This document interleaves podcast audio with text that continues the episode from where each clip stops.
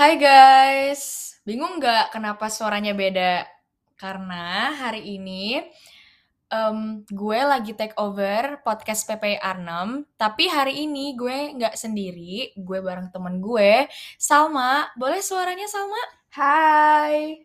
Jadi di sini kita berdua lagi take over podcast PPR 6 dan hari ini kita bakal bahas tentang housing di Belanda. Tapi sebelumnya kita mau perkenalan dulu nih. Jadi um, nama gue Eliza Sitompul, gue Presidium PPR 6, gue ambil International Business di Han University of Applied Sciences. Boleh lanjut Salma? Halo, gue Salma. Nama panjang gue Salma Risanti. Gue di PPI ini sebagai media. Dan gue ngambil jurusan komunikasi. Jadi, um, kita mau bahas tentang housing di Belanda nih, ya kan? Mm-mm, bener banget. Jadi, um, tapi kita coba kita breakdown dulu housing dari general in general. Jadi housing di Belanda itu tuh banyak ya tipenya ya. Iya. Apalagi buat student, terkhusus international student. Jadi kalau di Belanda tuh buat international student itu bisa dapat um, housing dari kampus, bisa juga nyari sendiri lewat Facebook ya nggak sih? Iya, benar-benar. Terus harganya tuh uh, range-nya berapa mak biasanya? Biasanya tuh sekitar dari mulai dari 300 sampai 600 ya. Tapi itu itu juga tergantung Luas di kota kamar. mana, Oh di ya. kota mana, luas kamar dan itu sharing atau enggak. Iya benar, benar banget. Jadi biasanya kalau housing dari kampus tuh um, untuk international student tuh rentnya bisa 6 sampai 1 6 bulan sampai 1 tahun. Terus biasanya furnish nggak sih dikasihnya dari kampus? Iya, itu biasanya buat memudahkan kita sebagai international student gitu nggak sih? Iya, biasanya yang dikasih fasilitas um, ekstra tuh yang first year nggak sih? Iya, Karena first year mereka nggak tahu apa-apa, datang ke Belanda, jadi ya dikasih yang paling senyaman mungkin. Um, terus kalau nyari dari Facebook itu harus um, gimana ya istilahnya perang kali ya? iya karena kita juga banyak banget, iya banyak banget orang yang mau nyari itu rumah gitu. Benar. Terus kita tuh saingannya juga sama orang Belandanya sendiri. Iya, benar. Terus kadang tuh susahnya kita tuh nggak dijawab gitu loh sama si orang-orang yang Nawarin rumah. Iya, mm-mm. Bener. Terus kadang udah dijawab tapi kita nggak lolos viewing. Iya, benar-benar. Di sini tuh kalau dapat dari Facebook kita sebelum deal harus viewing dulu viewing dulu nggak sih? Iya, itu tuh buat mastiin ini tuh rumahnya benar atau enggak gitu kan. Iya dan si landlordnya sendiri pun juga pengen tahu kita tuh gimana orangnya. Jadi dia nggak Hmm. sembarangan eh, kasih rumahnya ke ke sembarang orang gitu. Jadi kayak sama-sama tahu lah kayak Hmm. viewing ini nih win-win solution buat berdua gitu loh kayak rumahnya buat buat kita yang nyari rumahnya gimana bentuknya gimana cocok apa enggak sama juga kayak landlord dia mau nyari tenan yang sesuai sama kriteria dia ya nggak sih Iya benar, tapi kadang tuh lo ngerasa nggak sih kalau misalnya sebagai international student itu lebih susah buat nyari rumah, apalagi kalau kayak di Facebook, karena banyak uh, landlordnya yang lebih memilih untuk ngasih itu rumah ke lokal gitu, ke orang Belandanya sendiri gitu. Iya, gue ngerasa banget sih. Jadi emang agak susah ya cari rumah di sini sebagai international student. Apalagi kalau kita tuh punya istilahnya wishlist kali ya. Hmm. Mau rumah kita tuh kayak apa, di daerah mana, harganya berapa. Itu susah banget buat dapetin yang sesuai sama apa yang kita mau sebagai international student, ya nggak sih? Bener-bener banget. Nah, tapi sekarang kita mau bahas lebih lanjut housing di Arnhem. Iya, Karena kita PPI Arnhem. benar. Jadi um, housing di Arnhem itu ya kurang lebih sama sih sama housing di kota Belanda lainnya. Kayak tadi ada housing dari kampus, ada housing cari dari Facebook, sama eh, kita juga bisa pakai website gitu ya, kayak makelar gitu. Iya, biasanya itu housing masih- agency ya. Mm-mm, housing agency biasanya yang terkenal itu kamarnet yang kayak gitu-gitu. Iya, tapi kita tuh harus bayar supaya kita bisa react kamar yang mau kita viewing gitu. Mm-mm, mm-mm. Jadi kita bayar ya s- ada pilihannya mau tujuh hari, 15 hari, satu bulan. Terus tapi itu juga hoki-hokian ya. Pokoknya housing nih hoki-hokian gak sih? Bener kayak menurut gue jodoh-jodohan gitu loh kayak susah banget berdasarkan pengalaman kita berdua. Iya, gitu. sama teman-teman PPR 6 lainnya juga. Iya. Karena kita suka sharing ya. Mm-mm, benar. Oke, terus kalau dari Arnhem sendiri em, ada student housing di sini ada tiga nggak? Empat, ada empat. Yang disediain dari Han. Dari Han ya, yang Iya. disediain dari Han itu ada pertama Helix, ada Louis Steinplain, ada ada apa mak? Montevia, Sama satu lagi Zoomstrat ya nggak Iya. sih? Mm, jadi itu house empat housing yang dikasih dari Han sejauh ini. Iya. Terus em, kalau dari Facebook ya bisanya ada grupnya, Iya. ada grup kayak khusus pencari rumah sama yang nawarin rumah di Arnhem. Iya, jadi di grup itu tuh eh, si landlordnya ngiklanin rumah-rumah yang available gitu. Heeh. Terus abis itu kalau range harganya housing di Arnhem tuh masih sama 300 sampai 600 itu yang istilahnya standar lah ya. Iya. Hmm. Bukan yang studio apartemen gitu. Itu Kalau studio apartemen tuh lebih Biasanya di mahal. atas 600. Iya, 600 sampai seribuan Mm-mm. juga, walaupun udah di Arnhem gitu. Di sini tuh biasanya dapetnya sharing gak sih? Jarang dapet yang studio. Kalau nyari sendiri. Oke, jadi biasanya kalau student sih rata-rata mereka dapatnya yang sharing karena kalau untuk yang sendiri itu tuh persyaratannya biasanya suka lumayan banyak. Either itu kayak dia harus uh, udah ada kerja atau harus ada apa namanya kalau misalnya itu jaminan. Jaminan, Iya. ya. Nah, terus kita mau sharing pengalaman kita berdua nih, nyari housing kemarin. Karena tahun lalu kita dapat rumah di Helix, tapi kontraknya cuma setahun kan? Iya. Jadi kita harus pindah dan em, kita mau ceritain pengalaman kita gimana akhirnya kita bisa sampai nyam eh, dapet housing kita yang sekarang. Mm-mm. Mungkin boleh dari Salma dulu. Oke, jadi gue itu udah nyari-nyari rumah itu dari sekitar bulan Mei. Itu tuh gue nggak terlalu intensif karena gue merasa kayak, oh ada banyak nih di Facebook, di website kayak ada banyak banget. Gue merasa kayak, ya mungkin ntar ke depannya nggak bakal terlalu sulit buat gue dapat rumah. Terus, ini menurut gue yang salah dari gue, gue tuh terlalu banyak keinginan. Kayak Hmm. rumahnya mau gimana gitu, kayak Heeh. harus yang mau yang sendiri terus kayak waktu itu gue maunya di sentrum atau gimana gitu kan nah udah lalu lanjut ke pencarian nah gue tuh mulai intensif itu sekitar bulan Juni Jul Juni akhir Juni Karena kontrak kita habis bulan Juli awal ya. Iya, karena kontrak kita habis bulan Juli. Nah, itu juga salah menurut gue karena itu udah mepet banget. Nah, gue sendiri ini nyarinya tuh di Facebook, di website kayak Pararius, Hourstone, Kamernet, kayak gitu. Tapi karena demand-nya yang tinggi, semua orang yang tinggal di Helix itu juga nyari, jadi itu beneran susah banget gue buat nyarinya gitu ya ya kan lo juga kayak merasakan apa yang gue rasakan gitu Iya. Kita relate kok. Mm-mm. Nah karena waktu itu gue juga udah bener-bener gak tahu harus nyari di mana. Oh gue juga sempat itu sih sempat ke housing agency. Gue gue sempat viewing tapi karena permasalahan gue international student dan mereka lebih prefer untuk ngambil uh, orang orang Belanda. iya tenan orang Belanda jadi lagi-lagi gue ditolak. Kalau yang lain itu lebih ke nggak dijawab uh, apa namanya message gue gitu oh jadi gue memutuskan untuk um, email ke sekolah dan gue dapet di Montevia Building, tapi di sini itu cuma enam bulan.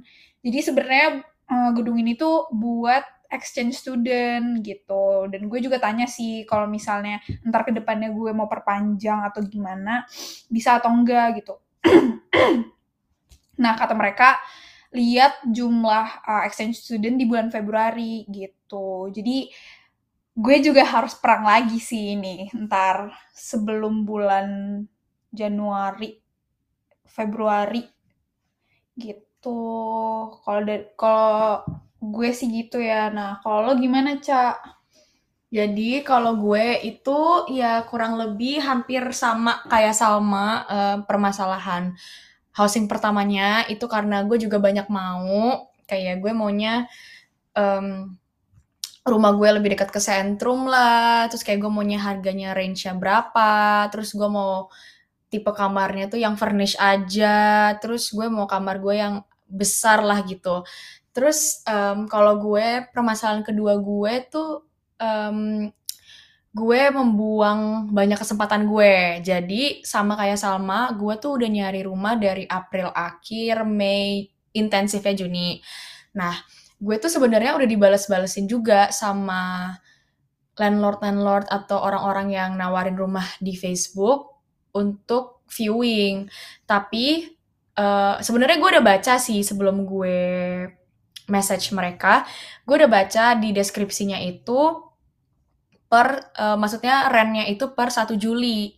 Nah, tapi gue tapi gue coba buat reach out gitu dengan harapan bisa nggak um, di extend gitu mulainya jadi satu Agustus jangan satu Juli karena sama kayak sama gue mau pulang ke Indonesia dulu waktu itu untuk summer holiday. Oh iya tadi gue nggak ngejelasin itu sih. Ya gue juga mepet-mepet karena itu juga. Jadi gue sama Salma itu pulang ke Indo bareng. Jadi kita berdua harus cepet-cepet nyari rumah sebenarnya sebelum hmm. balik ke sebelum balik ke Indonesia supaya nanti di Indo liburannya udah tenang kan, nggak harus mm -hmm. nyariin rumah lagi. Nah, jadi itu kayak gue tuh udah sebenarnya buang-buang kesempatan gue, padahal sebenarnya tuh bisa lolos viewing lah at least. Tapi karena gue keburu mikir kayak um, mungkin nanti di masa depan ada lagi kali ya penawaran-penawaran yang kayak gini tapi mulainya 1 Agustus gitu. Karena gue tuh mikirnya gue tuh nggak mau bayar overlap. Gue maunya bayarnya ya separah-parahnya overlap. Bukan maksudnya bukan overlap ya maksudnya separah parahnya gue harus rugi ya satu rugi satu bulan aja gitu. Ternyata emang paling bener harusnya kemarin tuh overlap aja gitu. Nah terus abis itu akhirnya um, karena sudah lumayan desperate nyari rumah tapi tetap nyari lewat Facebook. Oh gue sama juga kayak sama. Gue sempet pakai housing agency juga di di website di internet. Gue pakai Hurstone, Kamernet, sama uh, ada satu housing agency lagi gitu. Cuma dia kayaknya dapetnya lewat Hurstone gitu. Mm-hmm. Terus gue udah lolos viewing, tapi sama juga permasalahannya gue kurang dipilih karena gue international student. Mereka lebih prefer punya tenant orang lokal, orang Belanda gitu. Terus rumah gue yang sekarang akhirnya gue dapet lewat Facebook. Tapi rumah gue ini baru bisa dimasukin 1 September. Sedangkan gue kemarin pulang ke balik lagi ke Belanda itu akhir Agustus. Jadi gue ada jeda 10 hari uh, homeless lah ceritanya gitu. Tapi beruntungnya ada yang mau nampung gue. Jadi um, rumah gue yang sekarang ini rentnya buat setahun dan bisa di extend kalau gue mau. Tapi minimal gue harus uh, tinggal di sana satu tahun gitu. Ya kamarnya sih sesuai apa yang gue mau ya. Maksudnya 70% dari wishlist gue tuh udah ada di kamar itu. Tercapai ya. Tercapai ya. Hmm.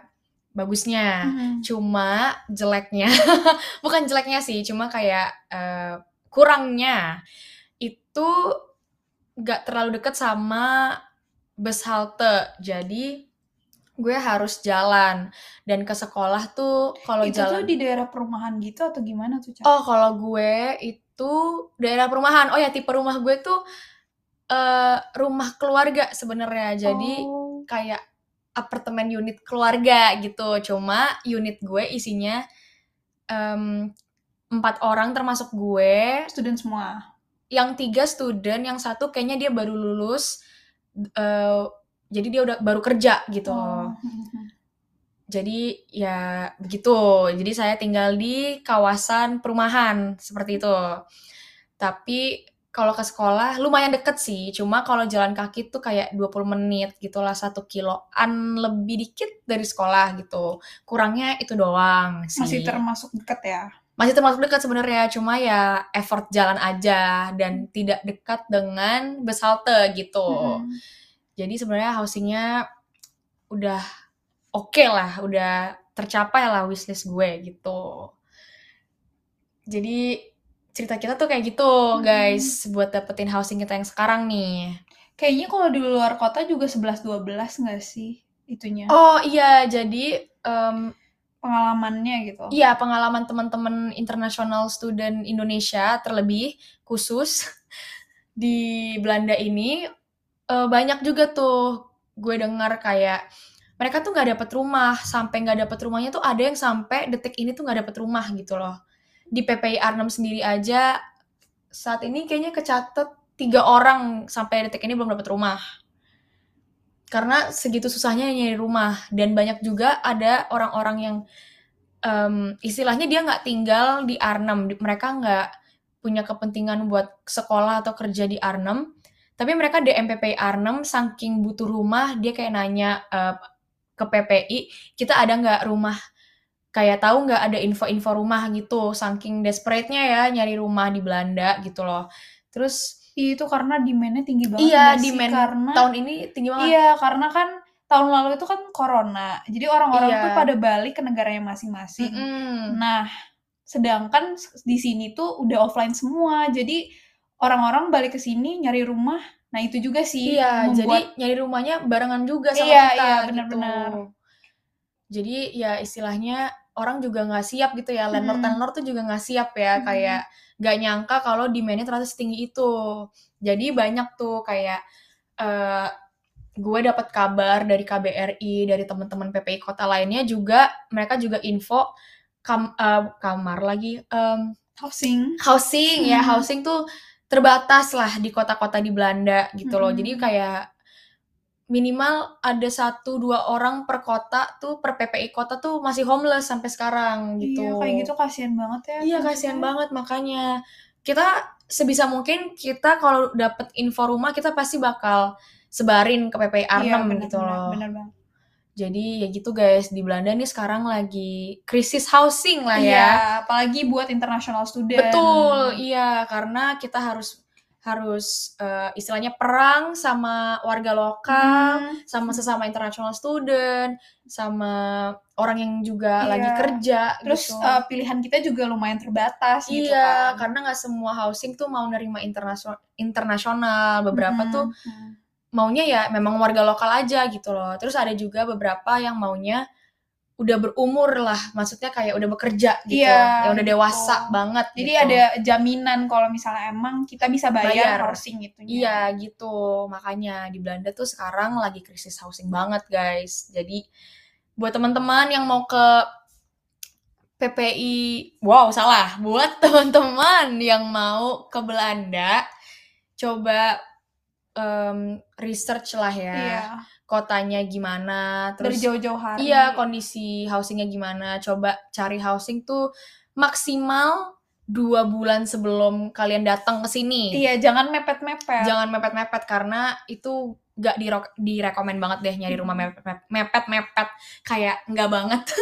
Eh, dan menurut gue jangan eh, berdasarkan pengal- berdasarkan pengalaman kita. berdasarkan pengalaman kita itu nggak usah terlalu banyak maunya gitu karena itu juga yang memberhentikan kita buat dapat rumah iya padahal sebenarnya itu tuh oke peluangnya aja. banyak gitu. iya sebenarnya Hmm. kamar ini tuh oke oke aja Mm-mm. tapi karena kita BM ya Hmm. jadi terlewat kesempatan punya rumah ini iya padahal gitu. dulu banyak banget gitu cuma karena kita maunya yang lebih jadinya susah Iya. juga dan juga jangan lupa buat kalian yang online viewing atau nyari dari internet yang nggak lagi ada di Belanda sekarang, jangan lupa buat mastiin kalau landlordnya itu beneran ya, Mm-mm. beneran sewa kamar, jangan istilahnya kena scam gitu loh, jangan sampai kena Karena scam. banyak juga ya yang kena scam, Iya. terlebih yang lewat Facebook ya Benar, nggak benar sih? banget. Ya, jadi kalian tuh beneran eh, beneran harus lihat deskripsinya gimana, harus beneran pantengin landlordnya tuh gimana, online viewing beneran nggak, jaminan dari landlordnya tuh juga apa, kalau kita online viewing kayak kita bakal dapat kamar itu, lokasinya di mana, pokoknya harus jelas lah ya semuanya. Iya, gitu. yang yang penting intinya itu tuh rumah beneran ada dan emang bener-bener sesuai deskripsi Iya gitu. gitu. Jangan sampai kena scam. Gitu guys. Kayaknya sampai sini aja kali ya podcast kita. Kita Iya, udah bawel gitu banyak aja. banget nih tentang Mm-mm. housing di Belanda. Buat teman-teman yang buat teman-teman pendengar yang masih kepo atau masih butuh info lebih lanjut tentang housing di Belanda bisa banget DM PPI Arnam di @arnamppi di Iya, benar. Instagram. Gitu. Jadi sekian perbincangan kita hari ini. Gue Eliza. Gue Salma. Kita pamit undur diri. Dadah. Dadah.